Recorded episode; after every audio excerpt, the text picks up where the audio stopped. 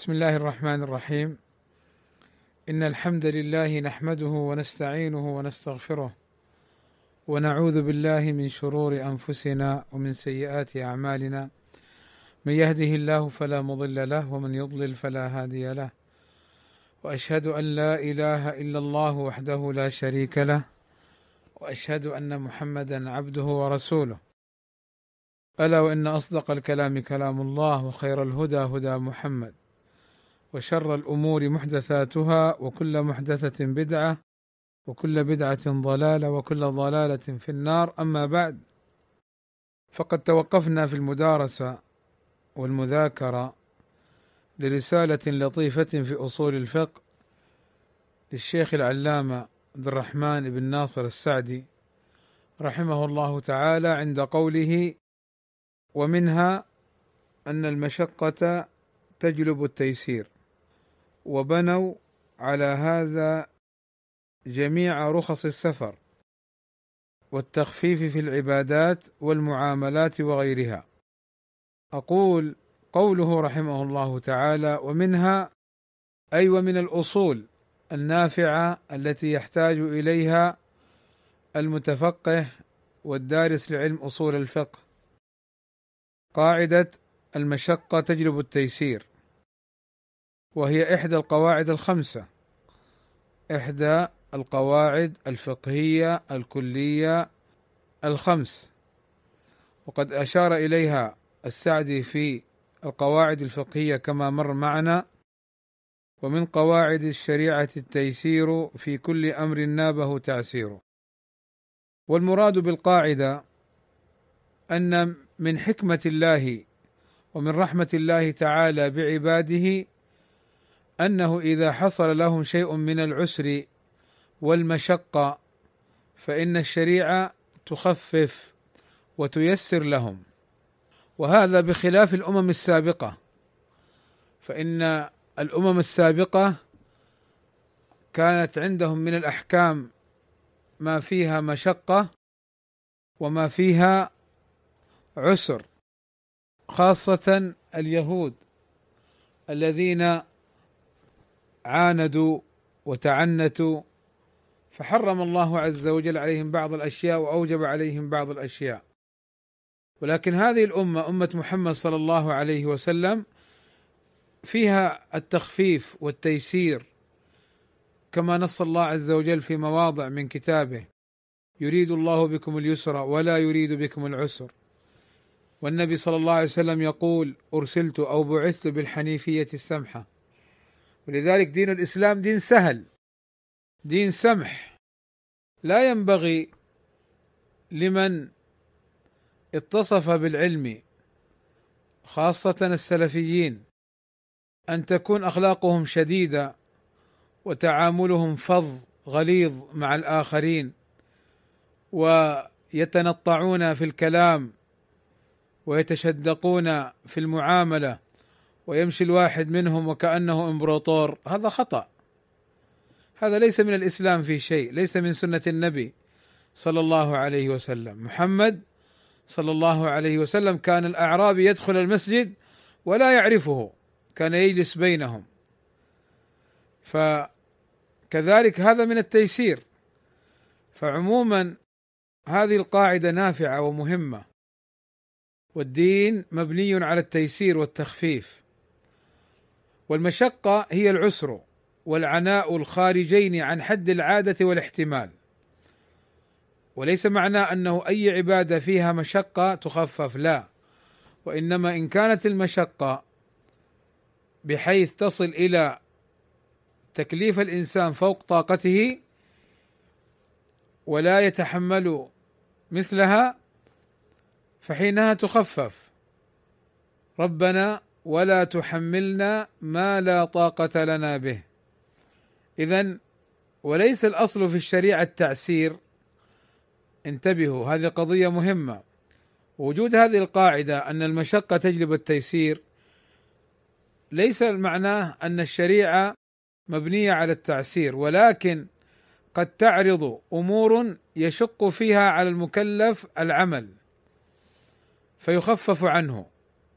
مثلا الصيام ليست فيه مشقة كبيرة ولكن الإنسان إذا كان مريضا ودخل عليه رمضان هذه مشقة فيخفف بالفطر وكذا إذا سافر. ولذلك المصنف رحمه الله تعالى أحسن حينما نبه في قوله في كل أمر نابه أي عرض له تعسير. وأدلة هذه القاعدة كما سبق أن ذكرت بعضها وأدلتها كثيرة جدا كما قاله الشاطبي وغيره من أهل العلم.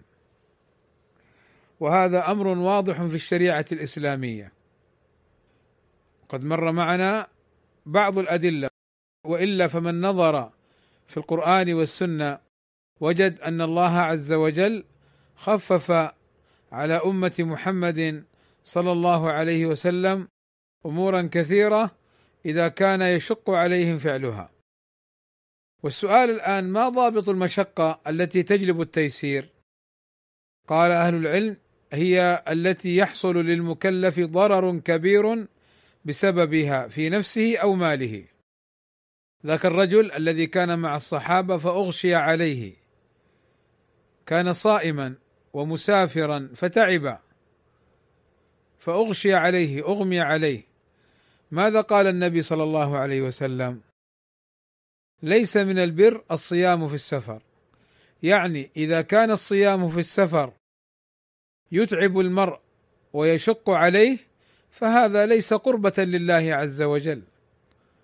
فإن الله عز وجل لا يريد من عباده أن يهلكوا أنفسهم ولا تلقوا بأيديكم إلى التهلكة.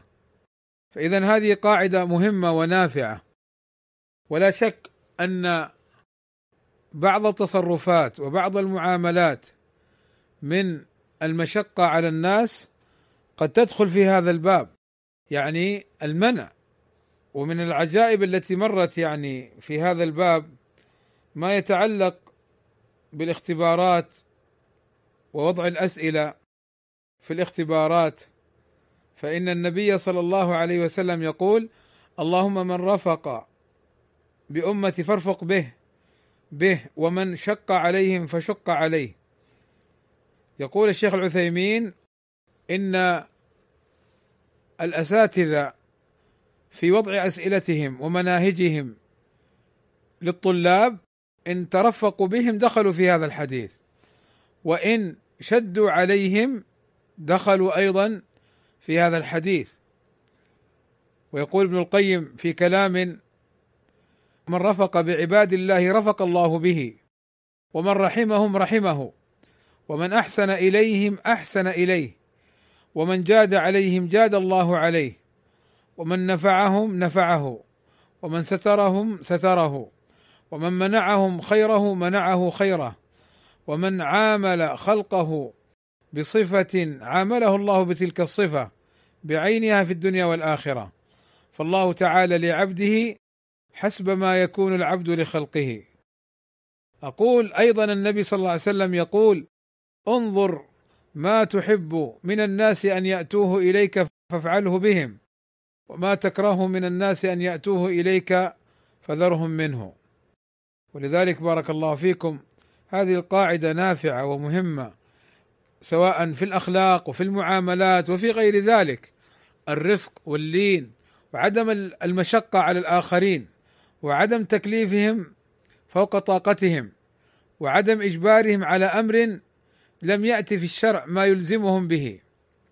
ولو تدبرنا كثيرا من أفعال بعض الناس اليوم نجدها أنها تخالف هذه القاعدة ولعل الله عز وجل ييسر لنا ما يعني يتعلق بالتعليق على مثل هذه الأفعال ومثل هذه التصرفات التي فيها مشقة على الآخرين.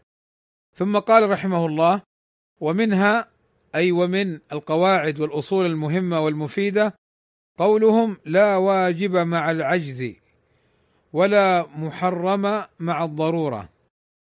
فالشارع لم يوجب علينا ما لا نقدر عليه بالكلية وما أوجبه من الواجبات فعجز عنه العبد سقط عنه وإذا قدر على بعضه وجب عليه ما يقدر عليه وسقط عنه ما يعجز عنه وأمثلتها كثيرة جدا.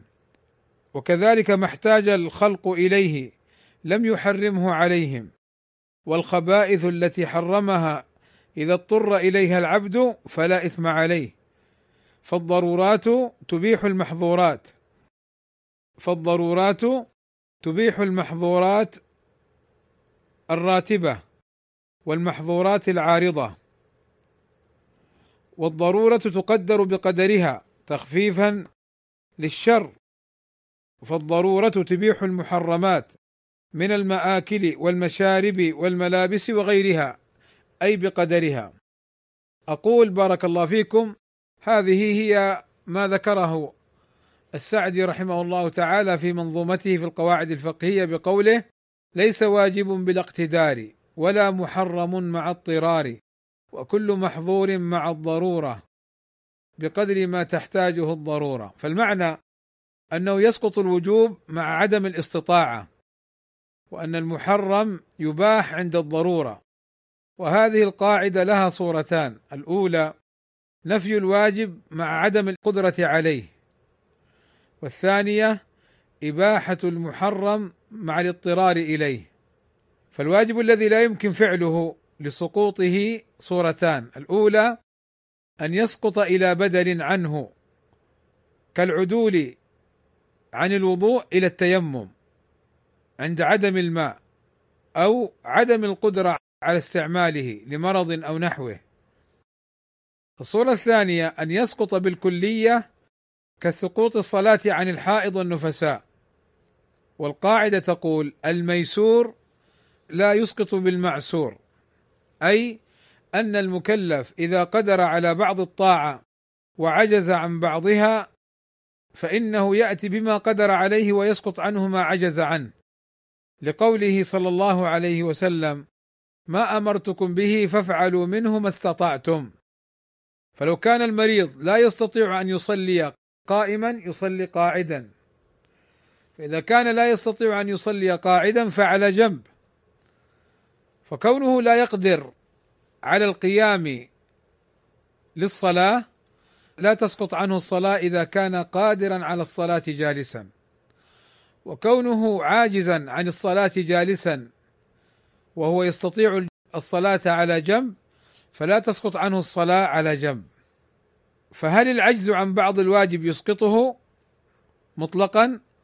قال العلماء هذا يختلف باختلاف بعض الواجبات فإن الواجبات على نوعين النوع الأول واجبات لا تتبعض وإنما هي جزء واحد فإذا عجز العبد عن بعضه سقط الجميع مثال ذلك عتق الرقبة ما عنده قيمة رقبة كاملة ربما عنده نصف قيمة الرقبة أو ربعها أو ثلاثة أرباعها فحينها لا تتبعض الرقبة في العتق عن كفارة فحينها ينتقل لي لما بعده.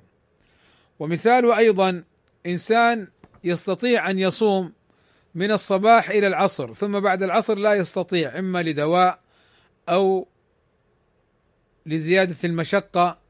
فهنا لا نقول له صم إلى العصر ثم افطر لا لا خلاص.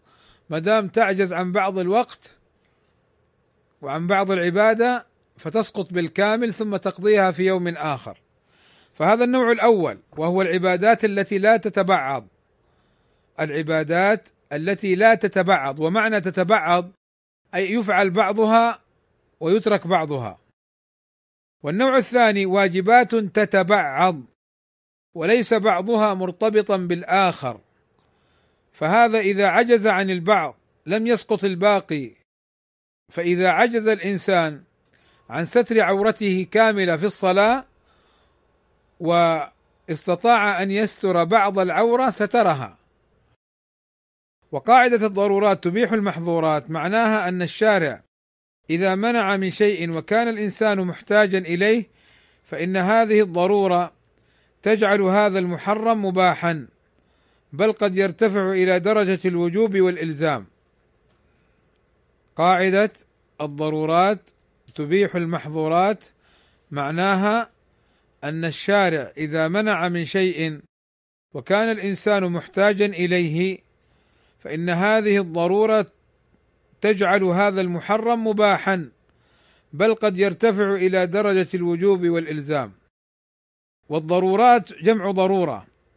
والضرورة مأخوذة من الاضطرار وهو الحاجة الشديدة والمشقة والشدة التي لا مدفع لها. والضرورة اصطلاحا هي أن تطرأ على الإنسان حالة من الخطر أو المشقة الشديدة بحيث يخاف حدوث ضرر أو أذى بالنفس أو بالعضو أو بالعرض أو بالعقل أو بالمال. ويتعين أو يباح عندئذ ارتكاب الحرام أو ترك الواجب أو تأخيره عن وقته دفعا للضرر عنه في غالب ظنه ضمن قيود الشرع.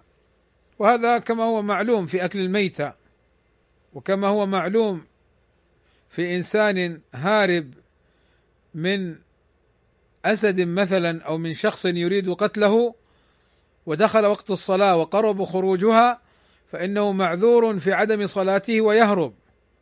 إذا شق عليه أن يصلي على تلك الحالة ولم يستطع. ودليل هذه القاعدة قول الله عز وجل فمن اضطر في مخمصة غير متجانف لإثم فإن الله غفور رحيم. فمن اضطر أي من حصلت له ضرورة في مخمصة في مجاعة شديدة يخشى على نفسه الهلاك.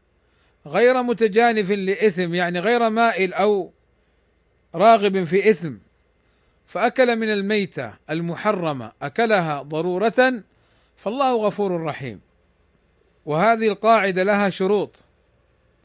فمنها أن تكون الضرورة تندفع بفعل المحظور. فإن لم تندفع لم يجز فعل المحظور. فالظمآن الذي لا يجد إلا الخمر فإنه بشرب الخمر يندفع ظمأه. الشرط الثاني أن لا يوجد طريق آخر تندفع به الضرورة. فلو أمكنه عند ظمئه أن يشتري ماء أو أن يطلبه أو أن يشرب شيئا آخرا غير الماء يدفع ظمأه فحينها لا يجوز له أن يشرب الخمر. الشرط الثالث أن يكون المحظور أقل من الضرورة. فإذا كان المحظور أعظم لم يجز. فإذا كان لكي يبقي حياته يأكل إنسانا يقتله لا يجوز لأن المحظور أكبر من الضرورة. وهذه القاعدة مقيدة بشرط أن الضرورة تقدر بقدرها ولا يتجاوز قدر المحتاج إليه. فلا يتناول من المحرم إلا بالمقدار الذي تندفع به الضرورة. ودليل هذه القاعدة الآية السابقة وقوله فمن اضطر غير باغ ولا عاد فلا إثم عليه. فقوله غير باغ أي بفعله بلا ضرورة. ولا عاد أي متجاوز قدر الضرورة وهذا هو الشاهد. ومثلوا له بالجائع المضطر للأكل من الميتة فلا يأكل منها إلا بقدر ما يسد جوعته فلا يصل إلى حد الشبع. وهذه القاعدة تندرج تحتها قواعد منها قاعدة ما جاز لعذر بطل بزواله. فأكل الميتة يجوز إذا خاف الإنسان على نفسه التلف لعدم الطعام. فإن وجد طعاما بعد ذلك ترك أكل الميتة. وقوله فالشارع لم يوجب علينا ما لا نقدر عليه بالكلية أي لا يكلف الله نفسا إلا وسعها وفي مقدورها. وقد يحصل العجز ولكن ليس بسبب العبادة وإنما لعارض للمكلف من مرض ونحوه فحينها إذا عجز لا يجب عليه لعدم القدرة كما سبق.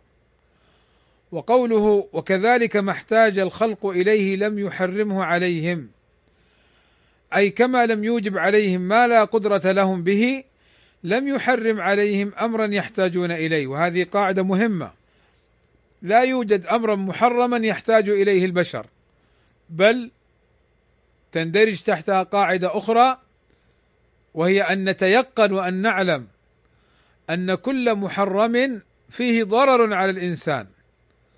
سواء في المأكل أو في المشرب أو في المعاملات وغير ذلك. فإن الله عز وجل حرم علينا الخبائث وحرم علينا ما فيه ضرر علينا. علمنا ذلك أو لم نعلمه. فلو حرم الله عز وجل امرا فاحتاج الناس إليه أباحه لهم بقدر ما يدفع حاجتهم. وهذا من رحمة الله عز وجل. ومن عظيم فضله سبحانه وتعالى فلم يحرم على الناس شيئا مطلقا ولو أدى ذلك لهلاكهم. والعجيب كما ذكر بعض أهل العلم أن الأمر المحرم إن تناوله العبد بلا عذر شرعي أصابه الضرر بتناوله.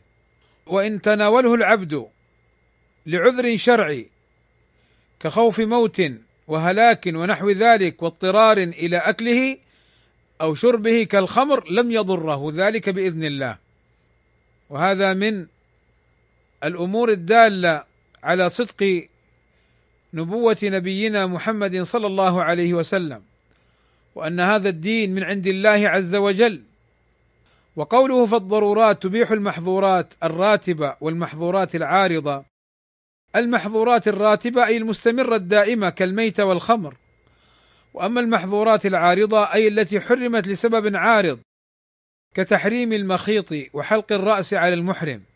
فلو احتاج المحرم إلى شيء مخيط أو إلى حلق رأسه جاز له ذلك. ولو كان محرما عليه. لأن الضرورات تبيح المحظورات الراتبة أو العارضة. وقوله فالضرورات تبيح المحرمات من المآكل والمشارب والملابس وغيرها من المآكل كأكل الميتة ومن المشارب كشرب الخمر. تدفع غصة أي لقمة واقفة في الحلق وملابس كحرير لحكة ومرض في الجلد ونحوه. ثم قال المصنف رحمه الله تعالى ومنها أي ومن الأصول الجامعة النافعة والقواعد المهمة الأمور بمقاصدها فيدخل في ذلك العبادات والمعاملات وتحريم الحيل المحرمة مأخوذ من هذا الأصل وانصراف ألفاظ الكنايات والمحتملات إلى الصرائح من هذا الأصل وصورها كثيرة جدا. هذه القاعدة التي ذكرها الشيخ رحمه الله تعالى تندرج تحت قوله في القواعد أو في منظومة القواعد الفقهية والنية شرط لسائر العمل بها الصلاح والفساد للعمل. فقوله الأمور بمقاصدها الأمور جمع أمر والمراد بها الأعمال من أقوال وأفعال. ومقاصدها أي بنياتها والمقاصد جمع مقصد والمقصد هو النية والعزم والمعنى أن الفعل أو القول الصادرين عن فعل المكلف ينظر فيهما إلى نيته وقصده. وهذه قاعدة الأعمال بالنيات وهي من أنفع القواعد وذكر أهل العلم أنها تدخل في جميع أبواب الفقه. وقوله فيدخل في ذلك العبادات والمعاملات العبادات مثل من غسل أعضاء الوضوء ولم ينوي الوضوء لا يعتبر متطهرا. فلو جاء إنسان غسل كفيه ثم مضمض واستنشق ثم غسل وجهه ثم غسل يديه ثم مسح على رأسه وهو ينوي التبرد والتنظف ثم قال أنا فعلت أفعال الوضوء اذا أنا توضأت. فنقول له لا أنت لم تنوي الوضوء أنت نويت التبرد والتنظف. فليس لك إلا ذلك. وأما المعاملات مثل من أدى المال ناوي بالرجوع ومن أدى المال من باب العطية والهبة. يعني لو أن إنسانا أدى دينا عن آخر وهو ينوي يرجع إليه بمعنى يطالبه بحقه الذي دفعه فله أن يطالب ذلك. ولو أن إنسانا أدى المال من باب العطية والهبة عن أخيه نوى الهبة والعطية. ثم بعد فترة قال تخاصم معه أو عرض له أمر فقال لا خلاص أنا أروح أطلب المال الذي دفعته عنه. فنقول له إذا دفعته وأنت تنوي الرجوع أي مطالبته ومحاسبته فلك ذلك وترجع له. أما إذا دفعته من باب الهبة والعطية فلا يجوز لك لأن الرجوع عن الهبة منهي عنه. فهذا فعل واحد اختلف بالنية. وقوله وتحريم الحيل المحرمة مأخوذ من هذا الأصل. الحيله قالوا هي الحذق وجودة النظر والقدرة على دقة التصرف بحيث يوهم الناظر السلامه في الظاهر مع السوء في الباطن. وهذا يسمى حيلة وهذا للأسف الشديد يقع من بعض السلفيين الذين يتلاعبون بالمنهج السلفي. فليس من السلفية في شيء حينما يحتال بأمر ظاهره السلامة ليتوصل بذلك لأمر سيء. فإذا قلت له فعلت كذا كذا قال يا هذا أمر خير أي في الظاهر ولكن هو أراد به في الباطن أمرا سيئا فهذه حيلة. فاذا الحيلة محرمة. لأنها وإن كان ظاهرها السلامة إلا أن باطنها السوء والأذى والضرر. فالنظر في الحيل للنية فلو نوى بعمله الظاهر الذي لا إشكال فيه التوصل لأمر محرم يمنع من ذلك مثل بيع العينة. بيع العينة سمي ببيع العينة لأنه لأن البائع والمشتري اتيا بعين أي بسلعة. ليتوصل بذلك بأن يعطي مالا قليلا ويأخذ مالا كثيرا. فإنه لو أقرضه مالا مثلا ألف ويردها ألف ومائة كان ربا. ماذا يفعلون؟ يأتون بسلعة. فيقول له أبيعك هذه السلعة مؤجلة بألف ومائة. فيقول المشتري اشتريتها منك بألف ومائة مؤجلة يعني ما يدفعها في الحال. ثم يقول البائع أنا أشتري منك السلعة الآن بألف حاضرة فيعطيه ألف. فإذا هو أعطاه ألف وسيردها ألف ومئة والسلعة هذه كانت حيلة لهذا العمل. ومثل شراء الفاكهة لصنع الخمر بها. من علم وتيقن أن هذا المشتري يشتري هذه الفاكهة ليصنع بها خمرا لا يجوز له أن يبيعه إياها. فهذه قاعدة مهمة اعتبار النية في الحيلة. ولذلك هؤلاء كيف يضحكون على بعض المشايخ ويوهمونهم خلاف الواقع؟ يحتالون يتذرعون بالحيل من كذب ومن غش وخديعه وخيانة فيظهرون في مظهر نصيحه وفي مظهر إرادة الخير. ولذلك الله عز وجل يقول يوم تبلى السرائر أي تظهر وتكشف ما أخفيته في الدنيا يكشفه الله عنك في الآخرة. فبعض الناس قد يطعن في إخوانه السلفيين بحجة الدفاع عن المنهج السلفي. فهذه حيلة. وبعض الناس يسعى لإسقاط اخوانه السلفيين أو طلاب العلم أو العلماء السلفيين بحيلة أنهم يطعنون في المشايخ وهم لا يطعنون. فلذلك هذه قاعدة مهمة. وقوله وانصراف ألفاظ الكنايات والمحتملات إلى الصرائح من هذا الأصل وصورها كثيرة جدا. الكناية اللفظ غير الصريح. الكناية هي اللفظ غير الصريح في الشيء بأن تتكلم بشيء وتريد غيره. نحو الرفث والغائط ونحوهما. فهذه من ألفاظ الكنايات. والمحتملات أي التي تحتمل أكثر من معنى. والصرائح جمع صريح هو اللفظ الدال على المراد منه بوضوح.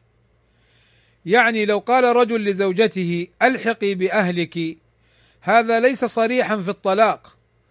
لكن لو نوى بقوله ألحقي بأهلك الطلاق وقع طلاقا. ولذلك القاضي حين يسأل يقول أين الرجل؟ فيسأله ماذا قلت؟ يقول قلت لها ألحقي بأهلك. قلت لها لا أريدك. فيسأله ماذا نويت؟ فإن قال نويت الطلاق يوقعه وإن قال لم أنوي الطلاق وإنما نويت التهديد لم يوقعه. وهذا انتبهوا. الألفاظ المحتملة لا تنزل منزلة الصريحه إلا باعتراف المتكلم أو بقرينة قوية واضحة في هذا الباب. تدل على ذلك. كقوله مثلا الحقي بأهلك فلست بزوجة لي. هذا واضح أنه أراد الطلاق. مثلا ومع ذلك ينظر في أمره. أقول كثير من تعقبات هؤلاء المفسدين الذين يفسدون في الأرض ولا يصلحون على بعض إخوانهم السلفيين تدخل في باب المحتملات فينزلونها منزلة الصريح من الكلام ثم يحكمون عليهم فيقعون بالظلم والجور على إخوانهم وهم لا يعلمون. فتقول له يا أخي هذا الكلام غير صريح يقول لا هذا واضح جدا أنه أراد كذا. وهو يقول أنا لا أريد كذا. أنا لا لا أقصد كذا. فلذلك لا يجوز الحكم بالمحتملات وتنزيلها منزلة الصرائح إلا باعتراف الشخص نفسه. وأيضا مثلوا بالرجل إذا قال لا آكل لحما وأراد مطلق اللحم. فإنه لا يأكل جميع أنواع اللحم. ولو أراد أنه لا يأكل اللحم أي الأحمر جاز له أكل السمك وأكل الدجاج. وإذا أراد بقوله لا آكل لحما أي لحم الإبل ونوى ذلك جاز له أكل لحم البقر والغنم. فإذا أراد بقوله لا آكل اللحم أي اليوم فقط جاز له أكل اللحم غدا. فهذه قواعد وأصول كما مرت معنا في منظومة القواعد الفقهية وذكرها الشيخ ها هنا لأهميتها لطالب العلم ويعني دخولها في مسائل مهمة على طالب العلم أن يهتم بها وأن يدقق النظر فيها سواء في المسائل الفقهية أو حتى في معاملاته كما سبق معنا. فالسلفي الصادق هو الذي يطبق الحق في جميع أموره في جميع الأبواب ومع جميع الناس ولا يتلاعب بالحق على حسب مصالحه وحسب أهوائه ولذلك حقيقة يحتاج الواحد منا أن يسأل نفسه هل أنا سلفي فعلا؟ هل أنا متقيد ومنقاد وأسير على منهج السلفي؟ واحيانا الواحد يسأل في نفسه هل هذا الذي أمامي هل هذا سلفي بهذه التصرفات؟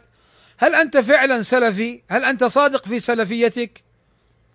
حينما تأتي بهذه التصرفات الشنيعة أو بتلك الأقوال الفظيعة أو بسعيك لإسقاطك لإخوانك السلفيين هل أنت فعلا سلفي راجع سلفيتك وصححها نحتاج يا إخواني إلى هذا الأمر أعني المراجعة. فإن كثيرا من الناس يدخل في المنهج السلفي ولا تزال رواسب الإخوانجية ورواسب المأربية ورواسب الحدادية ورواسب الحلبية بل والله ليست فقط رواسب بل أصول هذه الطرق المنحرفة لا زالت باقية عنده. فتجده سلفي في دعواه ولكن للأسف خلفي ومنحرف في أفعاله وفي أقواله أو في بعضها. فلذلك هل أنا سلفي؟ هل أنت سلفي فعلا؟ صادق في سلفيتك؟ نحتاج إلى مراجعة ونحتاج إلى تدقيق. ونحتاج إلى سؤال صريح في هذا الباب. وإلا والله وأرجو من كل واحد منا أن يجيب في نفسه على هذا السؤال الذي سأطرحه. هل السلفيه الحقه وهل المنهج السلفي تنتج عنه مثل هذه التصرفات الخسيسة؟ وتنتج عنه مثل هذه الأقوال البذيئة؟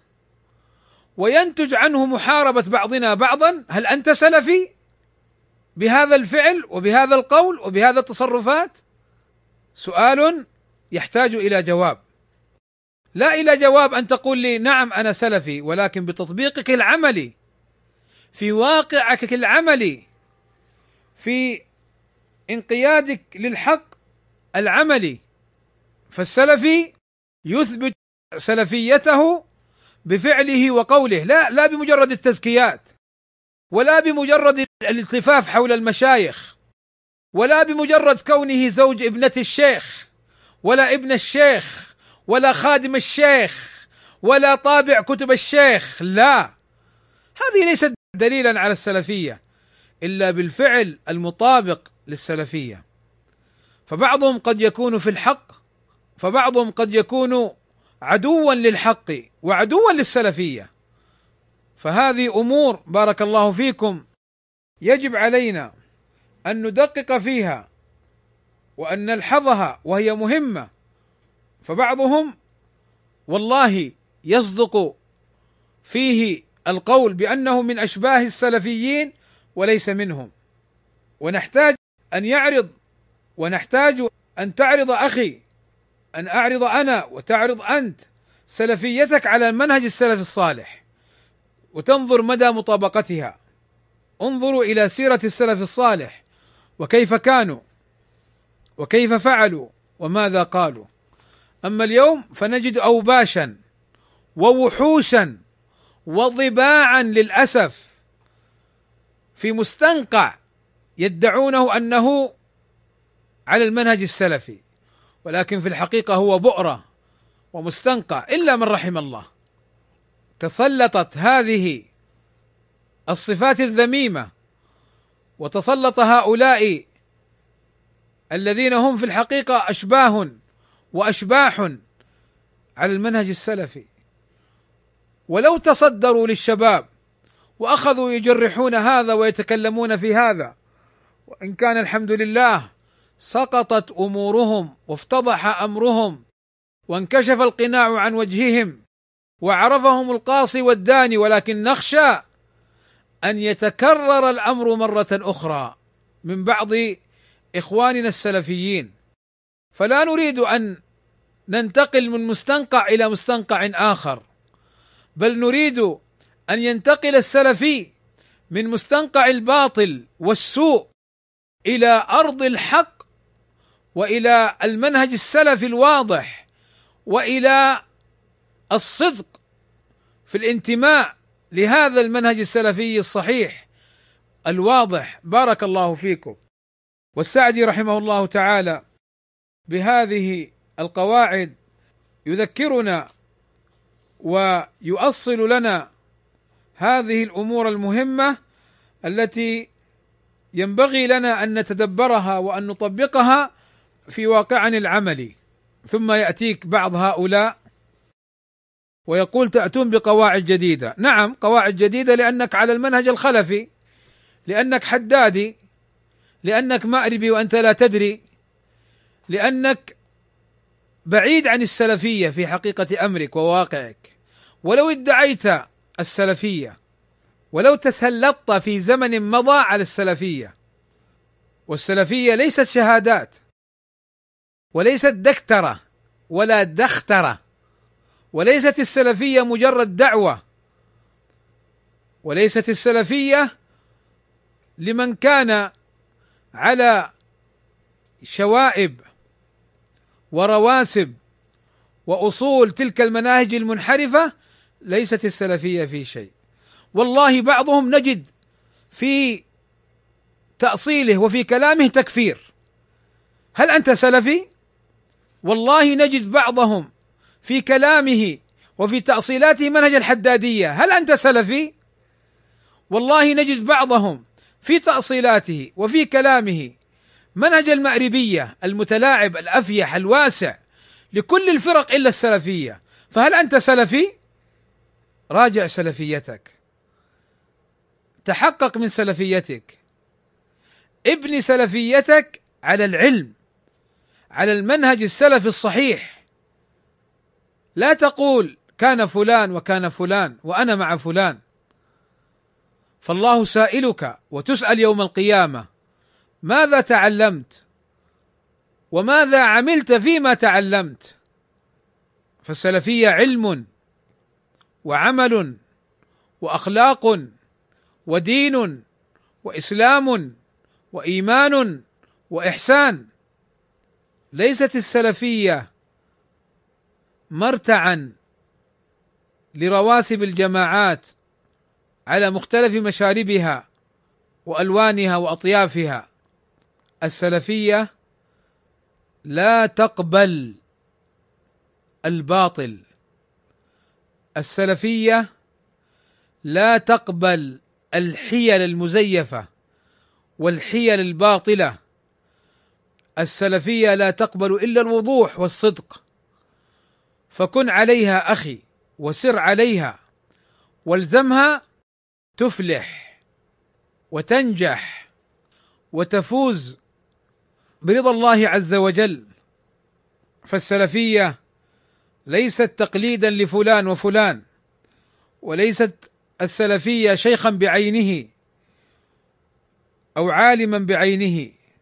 هذا ما أردت أن أذاكر به معكم في هذا اللقاء أسأل الله عز وجل أن يوفقني وإياكم لما يحبه ويرضاه وأن يجعلنا من السلفيين الصادقين قولا وعملا واعتقادا. هذا السؤال يقول بناء على ما ذكرتم في بداية الكلمة فيما يخص أداب التعامل. نرى تنفيرا شديدا من بعض السلفيين في التعامل مع عوام الناس حتى إن بعضهم يمتنع من عن الجلوس إليهم أو معاشرتهم سواء كانوا من ذوي الأرحام أو غيرهم. مما يجعل هؤلاء العوام لقمة سائغة لأهل الأهواء فما التوجيه الصحيح منكم في التعامل مع هؤلاء العوام ودعوتهم؟ هذا السؤال بارك الله فيكم جوابه قد مضى. الرسول صلى الله عليه وسلم يكون يسير في الطريق فيرى الأطفال فيسلم عليهم ويدخل عند بعض الصحابة فيرى طفلا حزينا فيمازحه يا أبا عمير ما فعل النغير؟ والنبي صلى الله عليه وسلم تأتيه المرأة العجوز فيداعبها حقا بالحق فيقول لها ليس في الجنة عجوز. فتبكي فيقول لها إنما كل أهل الجنة يعني يكونون على سن واحدة في شبابا. وتوقفه المرأة في الطريق تسأله فيقف فيتكلم معها صلى الله عليه وسلم. ويقول اللهم أحيني مسكينا وأمتني مسكينا واحشرني في زمرة المساكين. كما يصححه بعض أهل العلم أو يحسنه. فالمسكين هنا أي مع الضعفاء. فليس صلى الله عليه وسلم لم يكن جبارا ولا غليظا ولا فظا. وإذا كان العلماء ورثة الأنبياء. وإذا كان طلاب العلم هم حملة لعلم الأنبياء.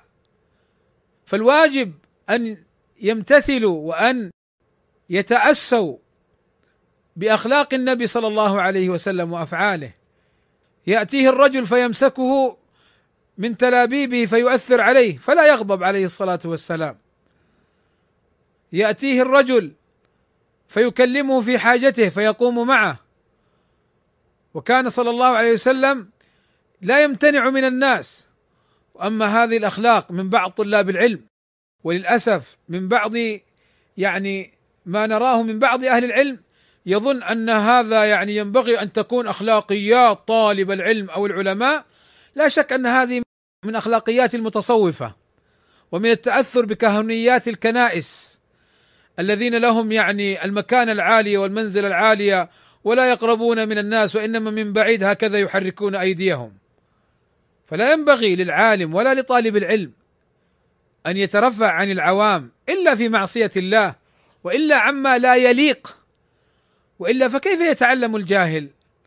وكيف يهتدي العاصي؟ وكيف نكسب الناس في دعوتنا؟ الرسول صلى الله عليه وسلم يقول إن منكم لمنفرين. يعني الذين لا يتقيدون بهديه صلى الله عليه وسلم وسنته من الرفق والإحسان والصبر والصدق وحسن الكلام والتبسم تبسمك في وجه أخيك صدقة. ويقول صلى الله عليه وسلم في الحديث الذي يصححه الألباني رحمه الله تعالى يقول صلى الله عليه وسلم انظر ماذا تحب من الناس أن يأتوه إليك فافعله بهم. وما تكره من الناس أن يأتوه إليك فذرهم منه. فهذه الأمور هي سنن النبي صلى الله عليه وسلم وهديه. ومن خالفها ما يضر إلا نفسه. ومن لم يتاسى بالنبي صلى الله عليه وسلم لم يحقق أن يكون يعني متأسيا به في ذلك. فمن للعوام إذا لم نأخذ نحن طلبة العلم والدعاء إلى الله والعلماء إذا لم نأخذ بأيديهم. حقيقة بعض الناس هذا باب يعني مزلق خطير وهو أن بعض طلاب العلم وبعض العلماء ينظر للناس وعامة الناس حتى ولو كانوا أصحاب معصية. فإن ذلك الرجل الذي شرب الخمر فجلد ثم شربها فجلد ثم شربها فجلد فسبه بعض الصحابة فقال له النبي صلى الله عليه وسلم لا لا تسبه فإنه يحب الله ورسوله. فأثبت له المحبة صلى الله عليه وسلم مع أنه تكرر منه شرب الخمر فبعض العوام فيهم خير.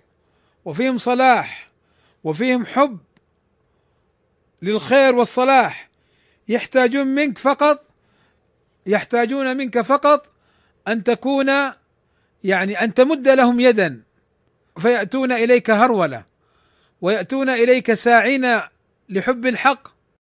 فالله الله في عوام الناس أن تحرصوا عليهم وأن تفرحوا بهدايتهم وأن تعلموهم وترشدوهم.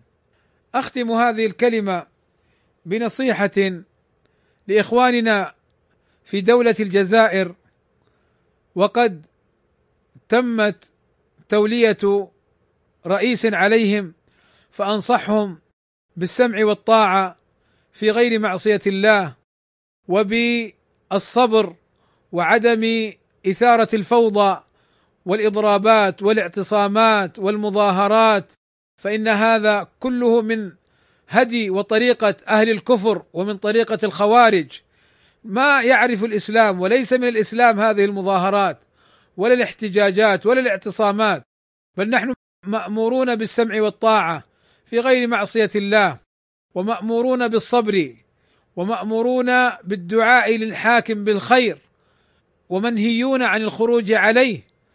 فإذ قد من الله عز وجل عليكم بتولي رئيس فأعينوه على الطاعة وكونوا معه على الخير واحذروا من الفرقة والاختلاف ولا تنظروا ولا تلتفتوا لأهل الفرقة والاختلاف ولأهل الشقاق ولأهل المآرب الذين يجعلون الشعب حطب نار الفتنة ويجعلون الشعب جسرا لتحقيق مقاصدهم. يحرق الشعب يقتل الشعب. حتى يحقق مأربه فيتولى فيخلع الرئيس. وهو وأهله وأولاده في نعيم وسرور.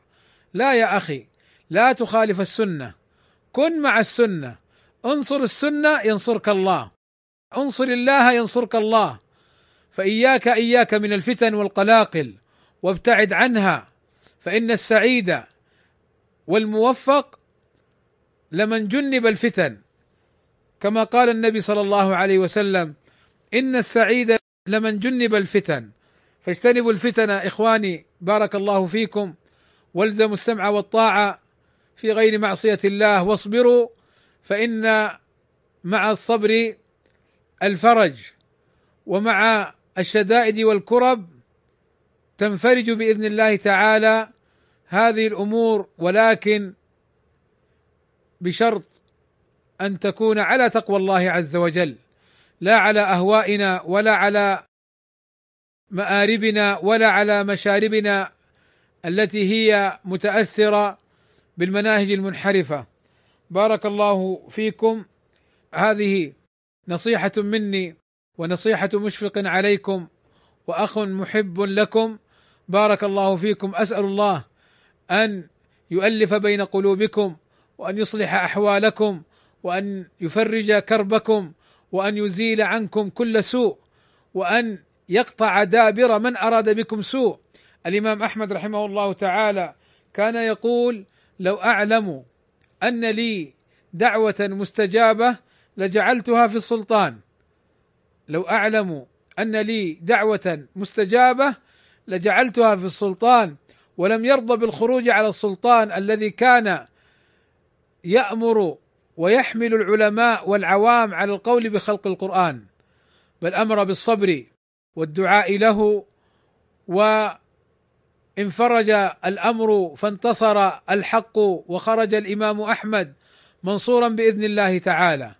وأما إن خرج الناس على حاكمهم ورئيسهم فيقول شيخ الإسلام ابن تيمية رحمه الله تعالى لا أعلم لطائفة خرجت على الحاكم واستقر لها الأمر. يعني لا زالوا في فتن متتالية وفي مصائب متعاقبة بسبب مخالفتهم لأمر الله ورسوله صلى الله عليه وسلم الذي فيه الأمر بالصبر وعدم الخروج.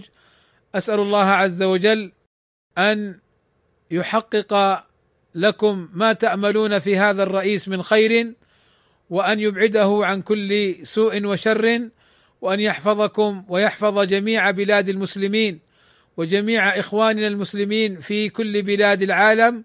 وصلى الله وسلم على نبينا محمد وعلى آله وصحبه أجمعين والحمد لله رب العالمين.